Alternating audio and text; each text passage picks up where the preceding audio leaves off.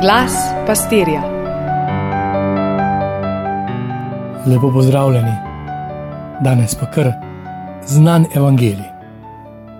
V pregovoru ga poznamo: ne moreš sedeti na dveh stolih. Ali ne moreš služiti dvema gospodarjema, ne moreš navijati za dve nasprotujoči si ekipi. V berilu zveni tako preprosto, tako logično, samoumevno. Bog je eden, srednik je eden. Mi bi imeli toliko vprašanj, toliko pomislekov. Zatakne se mi pri vprašanju vsakodnevne molitve.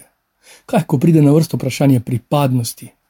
Če navijam za nek klub, nosim njegove simbole, sedim na njihovi tribuni, no, večina nas je rekreativcev, ne sledimo kolesarjenju, ne košarki, ne nogometu, smučanju ali plezanju.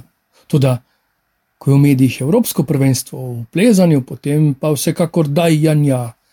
In če na višku uspeha naše smočarske reprezentance otrok reče, da bi se začel ukvarjati s smočarskimi skoki, mu bomo že nekako to omogočili. Ali če je na sporedu košarkarska tekma med našimi in njihovimi, potem bodo druge oddaje počakale, pa sprehod v sombo počakal, je predložen, zdaj me še naši ne rabijo, da navijam. Po plezalnem prvenstvu, po smočarski sezoni, pa tudi če smo dobili zlati globus in po še tako napeti tekmi, tudi če gredo naši predčasno domov, pa ni več ne duha, ne sluha v naši športnosti. Potem sem spet uradnik, pa gospodinja, pa študent, pa na čakanju do nove sezone. Moje krščanstvo je od velike noči do božiča, od pogreba do poroke pa če še kaj pride vmes, kakšna tekma. Če pa vzamem šport vsaj malo bolj za res, da se kdaj tudi usedem na kolo, grem v hrib ali celo na igrišče, potem razumem, da je na mestu tudi moja osebna molitev, moj osebni odnos z Bogom, ki je eden. In v tem odnosu, kar pomeni, da komunicirava oba, poslušam njegovo besedo, njegovo mnenje, želim vedeti, kaj si o čem misli in tudi sam pripovedujem, kako pa jaz gledam na neko stvar. In če že v svetu prepolnem korektne govorice, vsakomur dovolim, da misli kot misli, tudi če je z mojega zornega kota napak in narobe, kako da se tako močno lotevamo popravljati božjo zamisel, njegovo idejo, njegov načrt za me, za nas. Če pa je to proces najnega prijateljevanja, potem si tudi skozi molitve in mojo akcijo, kar pomeni odločitve, besede, dejanja in misel, postajava bližja. Tako si upam priti pred njega z idejo, s prošnjo. Menim, da je to, kar prosim, prav in dobro, in verjamem, da mi on to lahko ponudi, uresniči. Kakšen pomen bi sicer imelo moliti in prositi?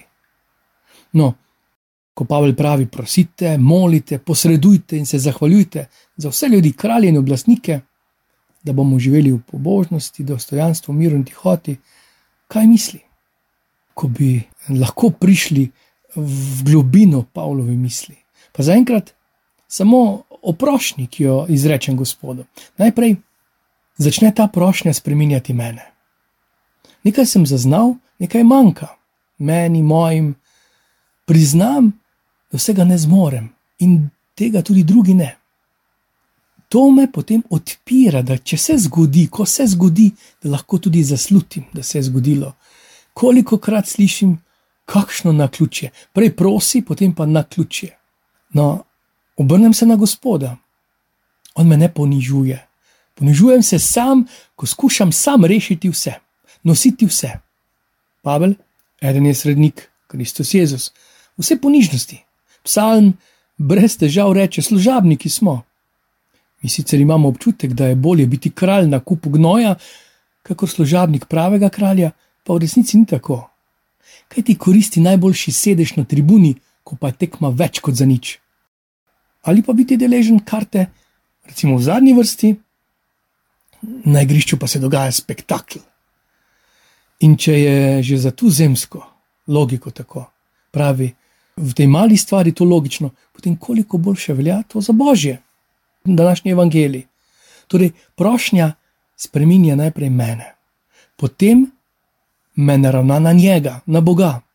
Pripelje me v dialog, še več, pripelje me v iskren, zaupen pogovor. V ponižnosti spoznavam, da ga potrebujem in spoznavam, da je oče, da je ljubeč na tej poti, da je dober. In tu sledi skok vere in njegovega posredovanja. Recimo, vaja, zapiši si, ko prosiš, kaj si prosil. Ali pa pogled nazaj v preteklost, koliko tvojih prošenj se je uresničilo, prav čudežno tudi. Ja, on uslišuje, ne samo sliši. Zato, glede na razplet evangelija, kdo je tvoj prijatelj? Koliko prijateljev imaš? Ne rabim sto prijateljev, ker jih dejansko ne morem imeti. Če imam tri, štiri, res, res prijatelje, potem je tako stiska kot radost drugačna, življenje je drugačno. In če imam Boga, se lahko sicer deklariram, da ne verujem, tudi hitro se pokaže, da imam več kot enega Boga in še bolj, ta božanstva počasi imajo mene, imajo moj čas, imajo moj denar, mojo svobodo, moje veselje, moje strasti, moje sanje. Kaj če si zadaš, da boš naredil, kar je v tvoji moči, da usvojiš Jezusovo prijateljstvo? Pa usvojiš ni prava beseda, se si on želi, on trka. Da se odprem za njegovo prijateljstvo, pa brez velikih načrtov za prihodnost. Kaj lahko narediš danes? Ne jutri, danes, zdaj. Zdaj, ko boš nehal poslušati ti in Jezus prijatelja. Čakaj, to pa ni kar tako. Pa blagoslov, vse dobro.